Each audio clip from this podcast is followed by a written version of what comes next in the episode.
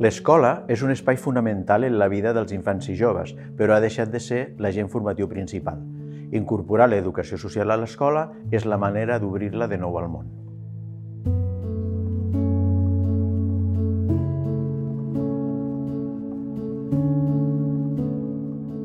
Tradicionalment, l'escola ha ocupat el rol de ser el principal agent formador, però actualment els infants i joves tenen accés a una gran diversitat d'infons de formació, tant o més potents com més l'escola i que modula la seva construcció com a persones. Per assegurar un bon procés dins del sistema educatiu, especialment en entorns de vulnerabilitat social, es fa imprescindible que l'escola connecti amb el món social dels infants i joves a través de l'educació social. Allò que tradicionalment s'havia considerat com a agents informals o no formals de l'educació, com és el cas del grup d'amics, la publicitat, els recursos socioeducatius, el lleure, l'esport o les xarxes socials, cada vegada han anat agafant més força fins al punt de poder ser tant o més determinants que la família o l'escola.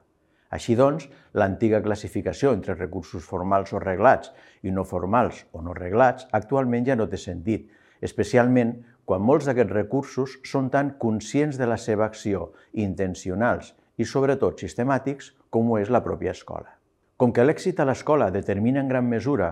el procés d'incorporació social dels joves, especialment, com dèiem, en entorns de vulnerabilitat,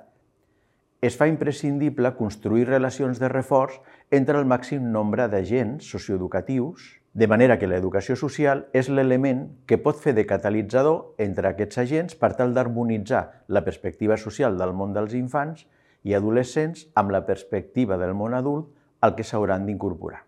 En línies generals, hi ha quatre grans eixos en què l'educació social pot fer aportacions significatives a l'escola. Dins de l'escola, la primera aportació és en tot allò que té a veure amb la vida social i la convivència, Entenen que l'escola és, un, és una microsocietat on s'haurien de tenir bones experiències de vida social saludable i de comunitat justa. Aquí es pot abordar tot el que té a veure amb la participació, la prevenció de situacions d'assetjament, el respecte a la diversitat, la construcció de les identitats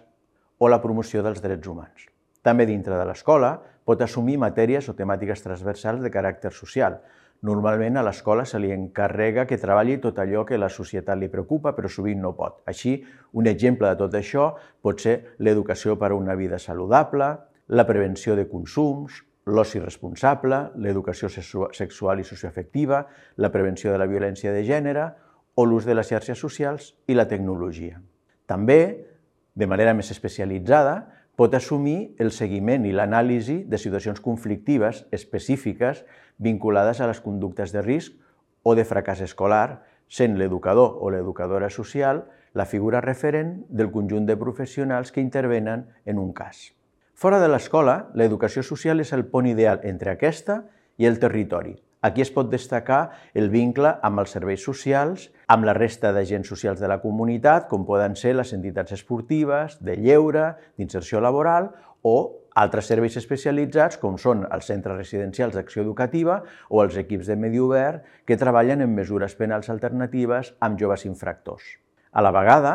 també entre la família i l'escola. En aquest cas, el suport a la família pot estar en l'orientació en competències parentals en totes les franges d'edat, des de la petita infància fins a l'adolescència i la joventut.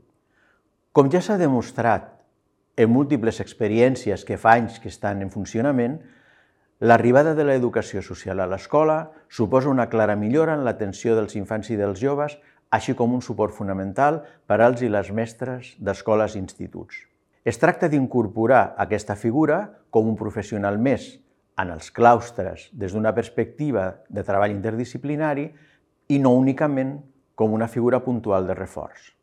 L'escola segueix sent l'espai privilegiat per aconseguir el millor creixement personal dels infants i joves, però necessita una nova figura professional especialitzada que contribueixi activament en la construcció